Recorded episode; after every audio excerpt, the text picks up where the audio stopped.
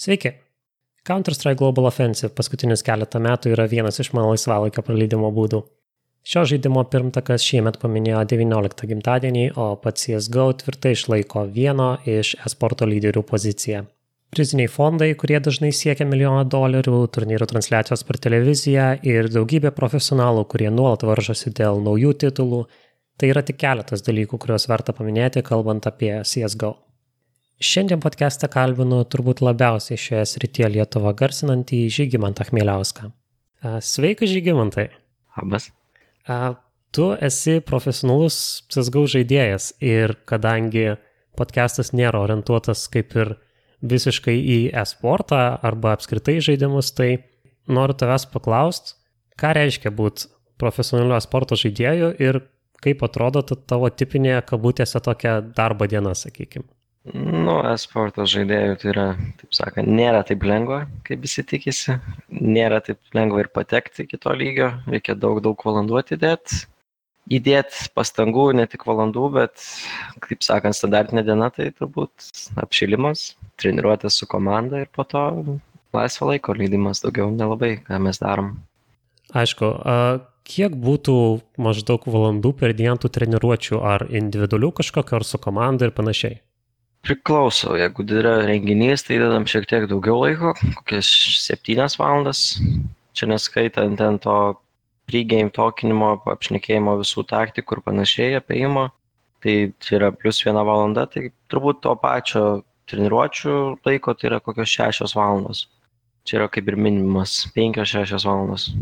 Supratau, tai bendrai taip gaunasi tokia pilna darbo diena, žodžiu, dirbi, nu, taip. dirbi kaip priklauso dar neskaitant tų valandų kur pats įdedi apšilinėdamas dar kokį fpl žaisdamas ar dar kokius pagus paprastus tai dar dasideda papildomai dar kokią porą valandų. Tai noriu pakalbėti apie viską nuo pradžių. Ir turbūt nedaug žmonių žino, ir aš dar neseniai nežinojau, kad tu iš pradžių buvai lyg ir Team Fortress 2 profesionalas.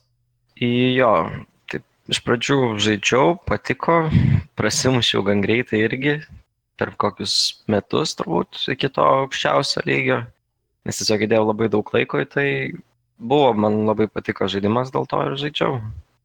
Prieš tai turėjau kitų žaidimų, pavyzdžiui, Source žaidžiau for fun, ten tuos pugus, gederius ir panašiai, bet nebuvo tas žaidimas, kurio aš tikrai norėjau.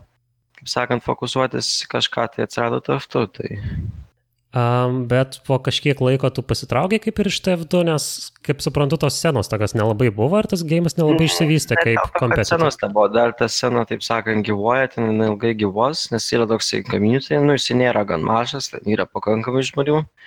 Aišku, nėra poolo, ko labai gaila, kai tokiam žaidimui, nes atsirado Overwatch'as, visas, visas, taip sakant, poolas, visi žaidėjai ir viskas persišako į Overwatch'ą, net ir casteriai, kurie anksčiau kestindavo TF2 dabar kesina Overwatch'ą, kiek aš neklystu, kiek teko girdėti ir kiek teko matyti panašių veidų, taip sakant, kuriuos sutikdavau renginiuose. Tai jo, daug kas dabar visi sufokusavo į Overwatch'ą, bet daug kas ir grįžta, kiek girdėjau, gal TF2, nes, nu, smagu kažkuriam laikui, bet atsibosta. Aha, bet vis tiek tas žaidimas kaip ir neišaugo iki tokio lygio kaip CSGO savo competitive sceną. Ne, ne. Buvo gal kažkuriais metais, ten 2011 ar 2012 buvo jau skaitomų jau kaip aš kaip augančių iki to lygio, bet paskui nukrito, nes visi sponsoriai ir panašiai matė, kad neverta investuoti, neverta pradėti ir, sakant, tom pasibaigė. Kaip manai, dėl ko tas kaip ir competitive scena neišsivystė, ar tiesiog iš, iš kuriejų pusės, iš Valve pusės nebuvo kažkokių per didelių pastangų, kaip susijęs GAU, ar tiesiog pats žaidimas kažkoks nėra toks, toks tinkamas e-sportui?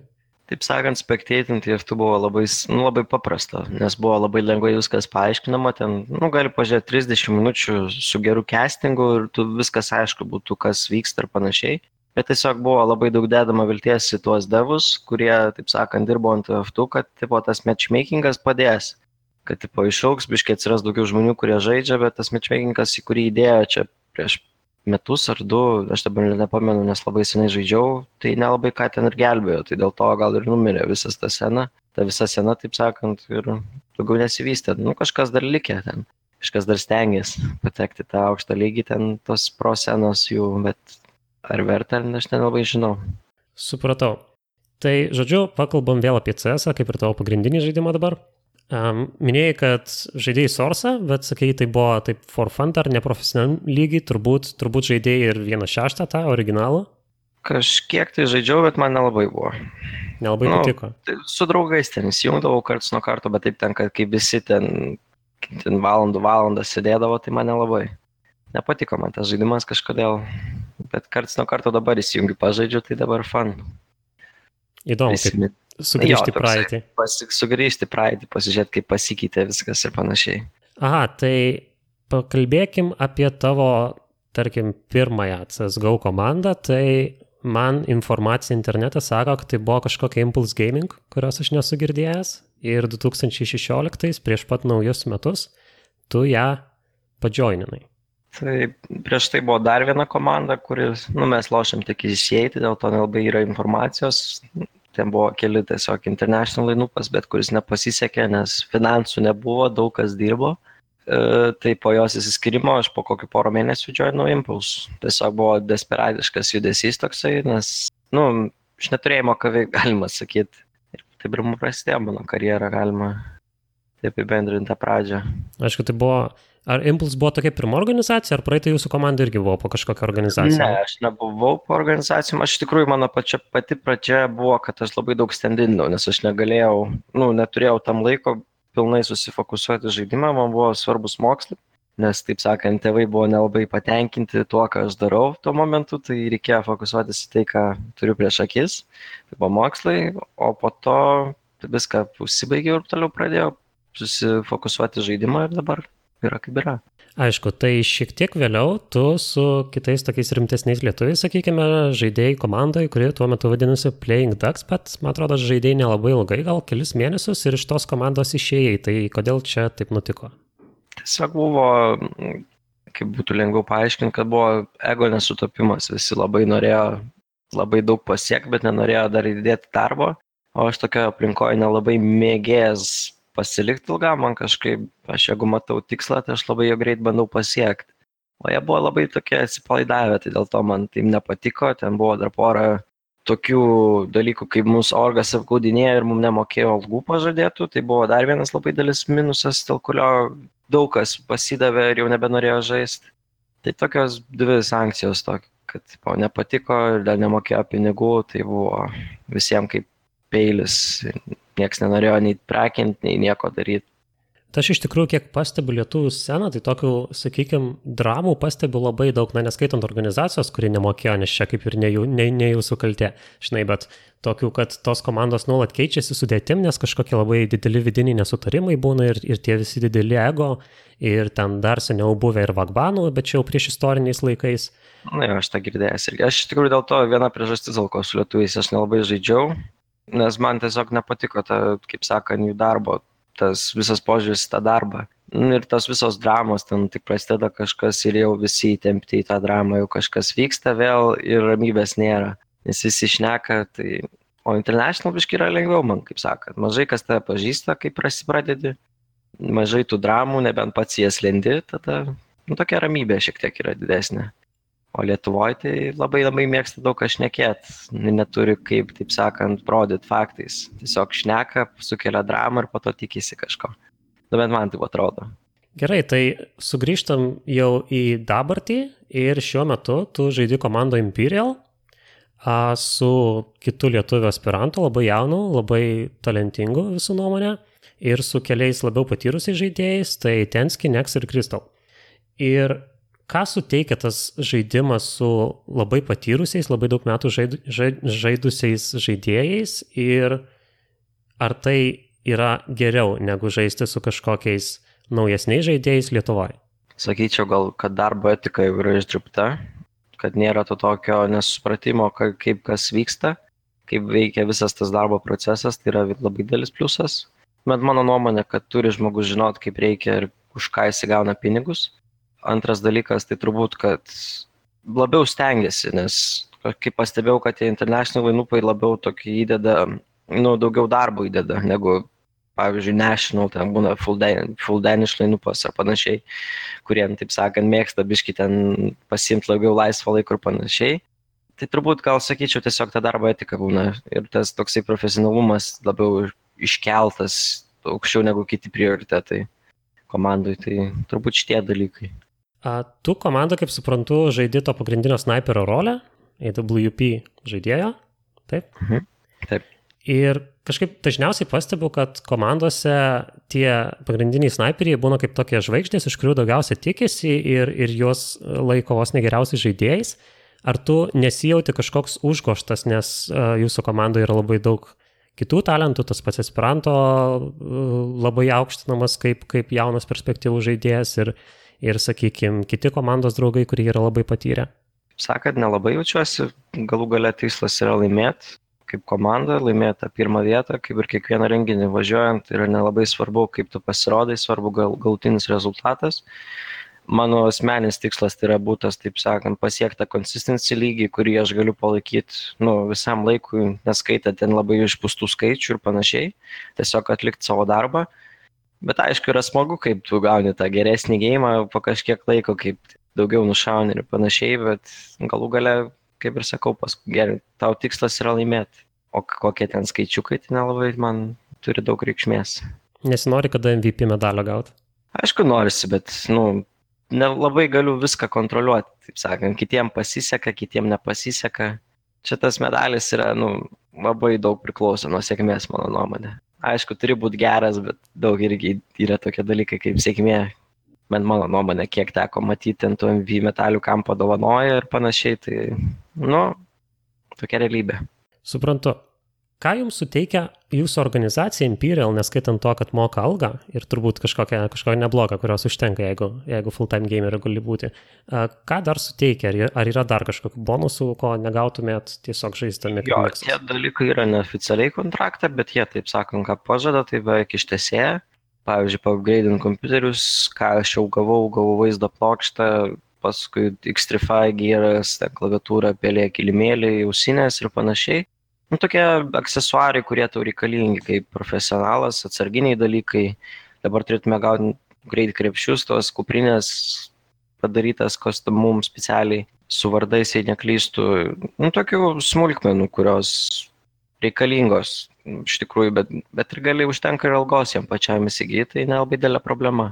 Mm, toks būtiniausias geras tiesiog žaidimas. Jo, jo. Jūs esate tokie išsibarstę po pasaulį, nes visokios um, lokalios komandos, kurios yra iš vienos šalies, jis ten turi kokį nors gaming house arba ten turi dar staffo suportinančio, tarkim, sporto psichologus, dabar labai patogu samdyti, jūs tikriausiai nieko panašaus neturit ir, ir nelabai įmanoma. Ne, kol kas dar neturim, nes dar orgas, nu, jisai orgas buvo šiek tiek ištraukęs savo, visus savo finansus, atsisakė visų sponsorių, bet su mūsų pasirašymu jie, taip sakant, grįžti atgal tą seną. Tai dėl to yra toksai, dabar mes neturim tų visų rėmėjų, ką jie turėjo anksčiau, tai dabar jie viską pradeda nuo nulio ir mes su savo rezultatais kažkiek tom padedam, nes daug kas domisi mumis dabar ir duoda mums visokių tų bonusų, ten pavyzdžiui dabar gaming chairai turėtų greit būti ir panašiai tokie visi dalykai. Skamba neblogai. Ok, pakalbėkime apie jūsų rezultatą šiek tiek. Uh, tai pirmiausia, šiemet toks pirmas didysis rezultatas buvo tai, kad laimėjot Copenhagen Games turnyrą prieš labai rimtas komandas, sakykime, tai buvo North ir Heroic, tai antra ir trečia tokios geriausios Danijos komandos. Ir kitas irgi labai didelis pasiekimas, tai laimėjo DreamHack Summer. Ir pirmą turnyrą laimėjot su vienu lyderiu, Silion, ir kitą turnyrą laimėjot su jau nauju lyderiu Crystal. Tai gal galėtum palyginti tos du turnyrus ir kas nulėmė jūsų sėkmę abiejuose? Mm, tai turbūt sėkmę nulėmė tuom, kad čia dabar biškino temas nukleisiu, bet visi prieš Kopenhagą buvome, turėjom būt kempą, turėjom beveik savaitę būt kempą, penkias, beveik šešias dienas. Ir tas bootcampas buvo totalus feilas, taip sakant, tiesiai šviesiai. E, tai buvo nuotaikos visų tam renginy Kopenhagui buvo labai labai jau visi jau dugnuose sėdėjo, tai tas laimėjimas turbūt mums tą komandą sulipdė atgal. Nes turbūt jeigu nebūtų pasisekę Kopenhagos gėjimuose, tai mes būtume turbūt nebuvę kartu daugiau, būtų tom ir pasibaigę.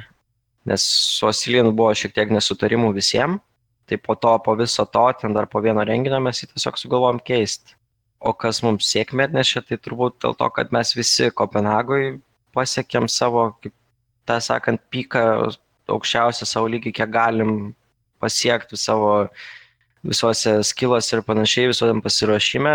Ir tas pats buvo ir Trimakė. Tiesiog labai visi gerai žaidim. Visi pasiekė tą savo ultimatumą. Komunikacija buvo gera, buvo, nu, viskas ėjo labai sklandžiai. Pasiruošimas, aišku, dar buvo prieš Summer, buvo gan didesnis, turėjom gerą mėnesį prakinimo, viską buvom pasiruošę prieš visas komandas. Turbūt šitie aspektai mums padėjo laimėti. Supratau. Neseniai bandėt kvalifikuotis į Europos minor turnyrą, kuris kaip ir yra žemesnis laiptelis, iš kurio galima patekti į majorą. Ir jums nepavyko kažkodėl. Ar nėra taip kartais, kad sunkiau žaisti prieš mažiau žinomas komandas, nes prieš jas kaip ir nelabai turi iš ko ruoštis?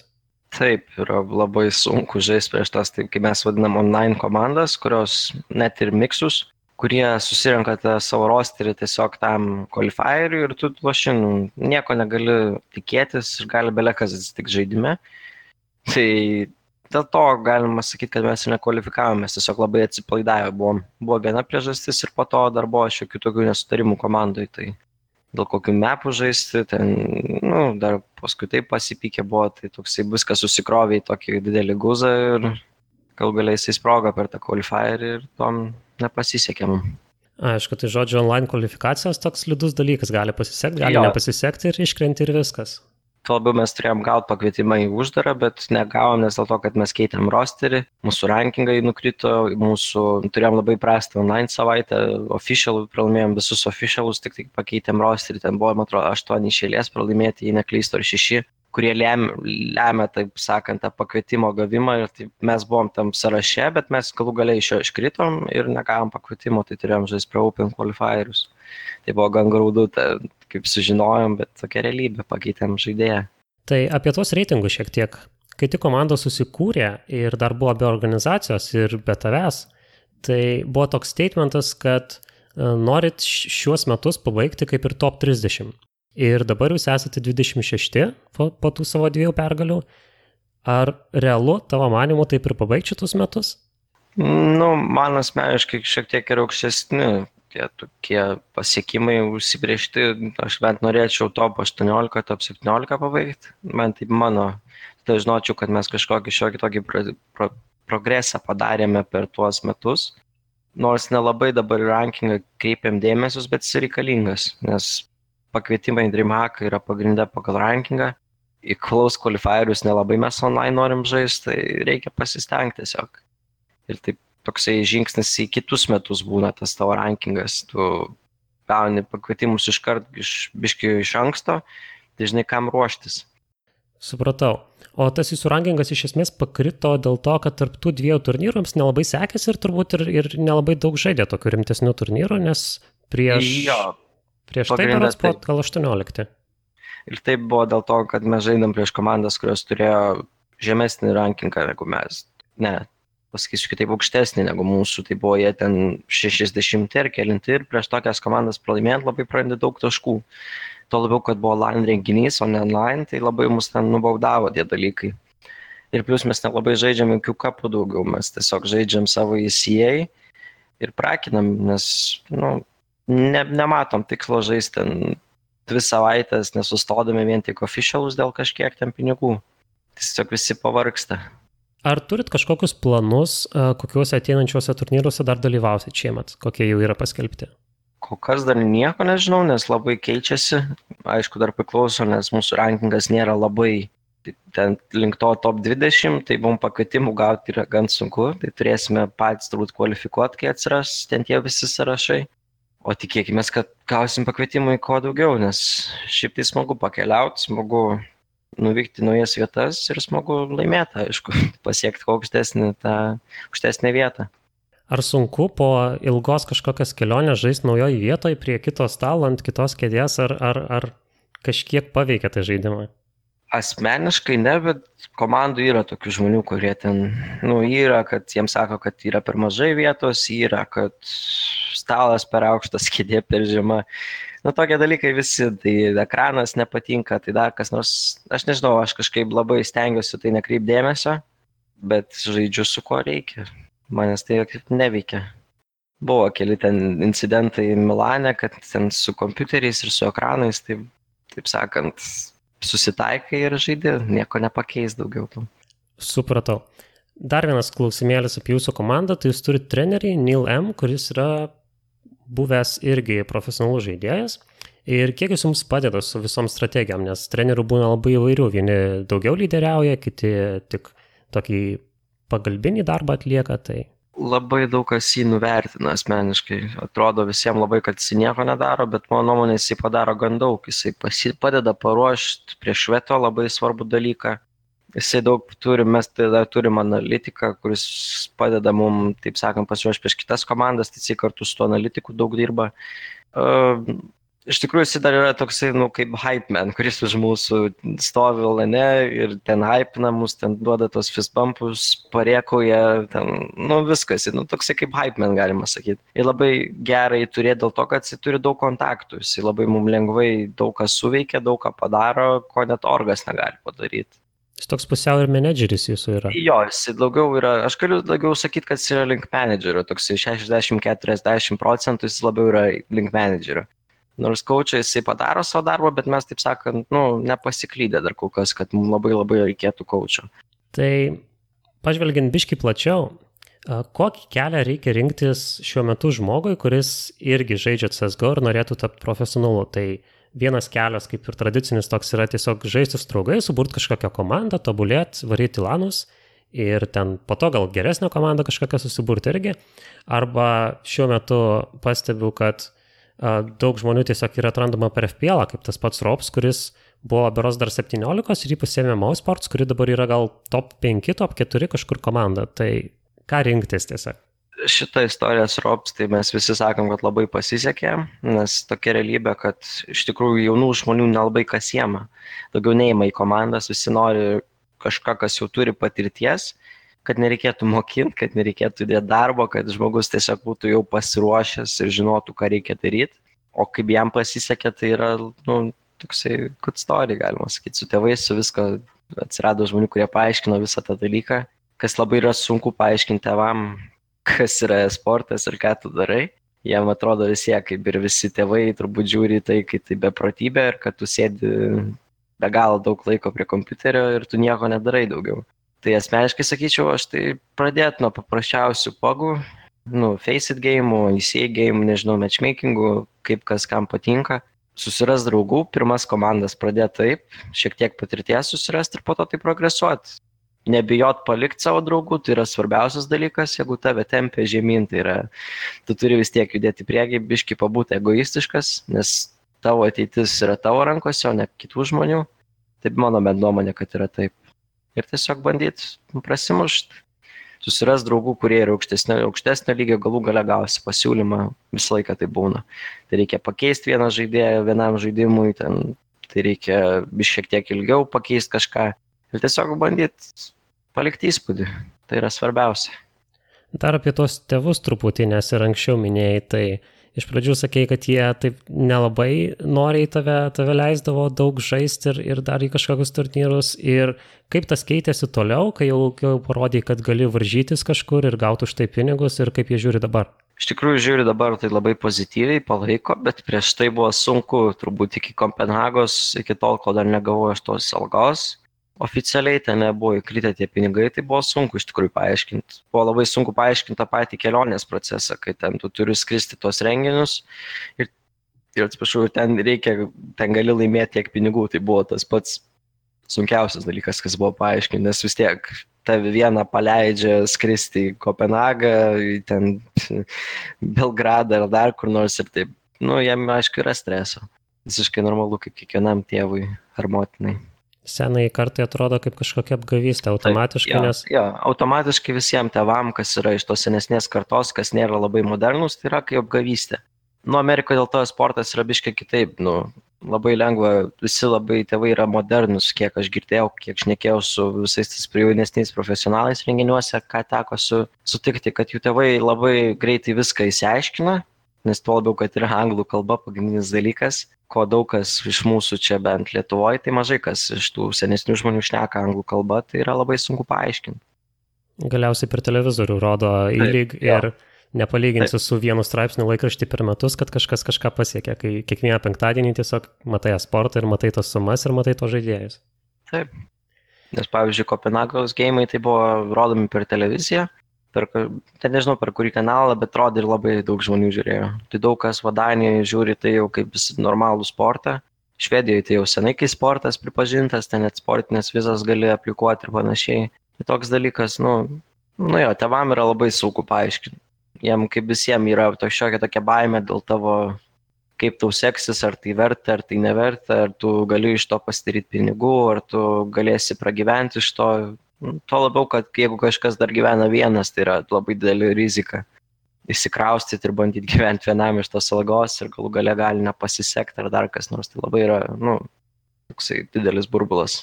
Bet yra dar tas aspektas, kad pro gamerio karjera kažkada baigėsi vienu ar, ar kitu būdu, tarkim, gėjimas pasidaro kažkoks nebepopuliarus numiręs ir tu nebenori kažkokio naujo mokytis, arba tiesiog žmonės kokiu 30 sulaukia ir supranta, jau reakcija nebe ta, jau, jau tiesiog smegenys nebe taip veikia ir tiesiog meta. Tai ką tu manai, kai ateis tas laikas, ką tu darysi po to?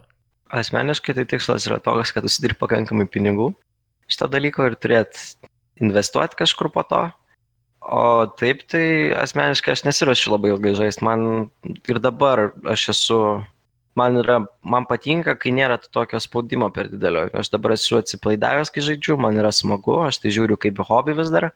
Bet jau kai kiti pasiekia tau dar aukštesnį lygį, tai ir tampa jau tokiu darbu, kad, nu, tu pervoji pavargsti. Tada suprantu, dėl ko daug kas meta nes tiesiog tas nuovargis tave žudo, tie, tas stresas, tiesiog pasidaro žaidimas nebeįdomus, o kai pasidaro nebeįdomu ir tai jau nebe hobis, o darbas, tai tampa labai sunku. Sunkus prasidėti treniruotės ir panašiai. Tai bent mano nuomonė apie tokį dalyką. Nors amžius yra tik tai skaičius, nes labai, labai daug profesionalų dar, kas pavyzdžiui Forestas, Neo vis dar žaidžia, net ir Tazas, tai tokie, taip, jie kaip yra pavyzdys, kad amžius yra tiesiog skaičius. Vis dar galima laimėti, galima pasiekti. Aišku, tai minėjai, kad nenori, kad tau tai taptų kažkokiu labai dideliu darbu, kad tu dar norėtum tą kažkiek hobių laikyti. Tai kas bus, jeigu pateksit į, sakykime, top 10, top 5 su, su, su viena ar kita komanda? Ar, ar netrodys tau jau per daug to ir kad nebelinksma ir kad per daug reikia grindinti? Labai priklauso dar iš tikrųjų nuo komandos atmosferos, nes būna labai sėdėti įtampo yra vienas dalykas ir sėdėti labai atsipalaidavus, bet dar tuo pačiu turėti šiokį tokį progresą ir judėti prieki yra vienas dalykas, nes lab, top 10 labai yra skirtingų komandų, kitos yra labai relaxed ir jiem yra fun žaisti, labiau, kad gauna didelius atlyginimus prie to pačio, tai jiem ten nėra, tai nebežiūri. O yra tos komandos, kurios gauna mažiau ir jos labai tokio įtemptoj atmosferoje sėdi visi. Ten tas kelias valandas prakinimų, tai ten būna, kad, nu, aš kiek girdėjau, kiek teko pasėdėti, tai, nu, atmosfera man nelabai patinka. Toksai, turbūt gerus porą mėnesių pabūčiau ir aš jau norėčiau, kad mane arba benčintų, arba šlyvinčiau, nes, nu, visi turi savo limitus. Supratau, o kai kurie profesionalai, kai baigia savo kaip ir pro karjerą, jie tampa tokiais full-time streameriais, tokiais kaip Šraudas, Pimp ir kiti, tai nenorėtum tokio kelio? Ar jau tiesiog per daug sėdėti prie kompo būtų vis tiek? Nežinau, idėja pati yra tokia fan, bet čia aišku turi būti labai prisišęs prie savo fanų. Nu, tu turi turėti tokį fanbase, kad pradėt. Nes tiesiog streamint visą dieną ir negauti nieko iš to, tai yra beviltiška. Nu, tu nelabai ką turi ką daryti, nebent turi susitaupęs kažkiek pinigų, bet asmeniškai tai aš tai turbūt eičiau dirbti kur nors, būtų pradėčiau dirbti, nes man tai, nežinau, nebent ne vien tik CS streaminčiau ar ką nors kitą, bet realybė tai turbūt eičiau dirbti po viso pro.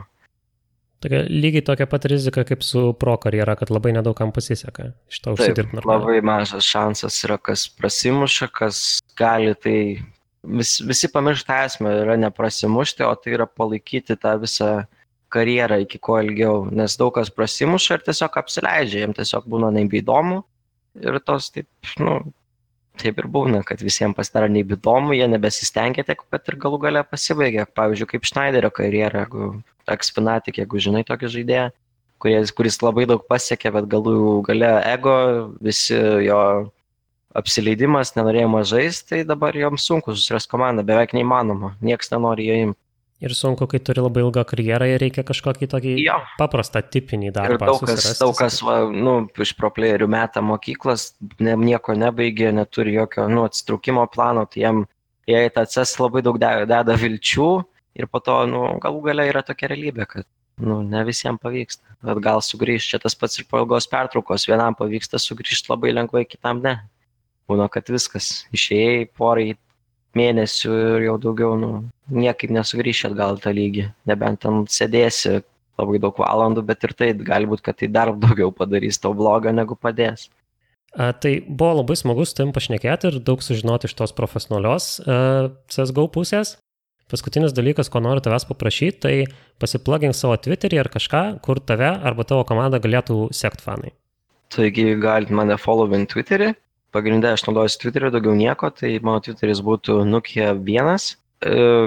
Galit, aš po visuose renginiuose paustinu gan daug, viską galite labai lengvai sužinoti, visus roster moves, viską galite tiesiog ne tik mano, bet ir mano komandos narius susirasti, nes aš visą laiką juos užteginu.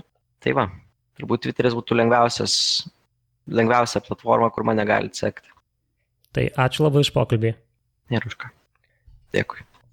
Primenu, kad podcastą galite prenumeruoti ne tik YouTube, bet ir iTunes, Google Podcasts bei daugumoje kitų programėlių. Iki greito susitikimo.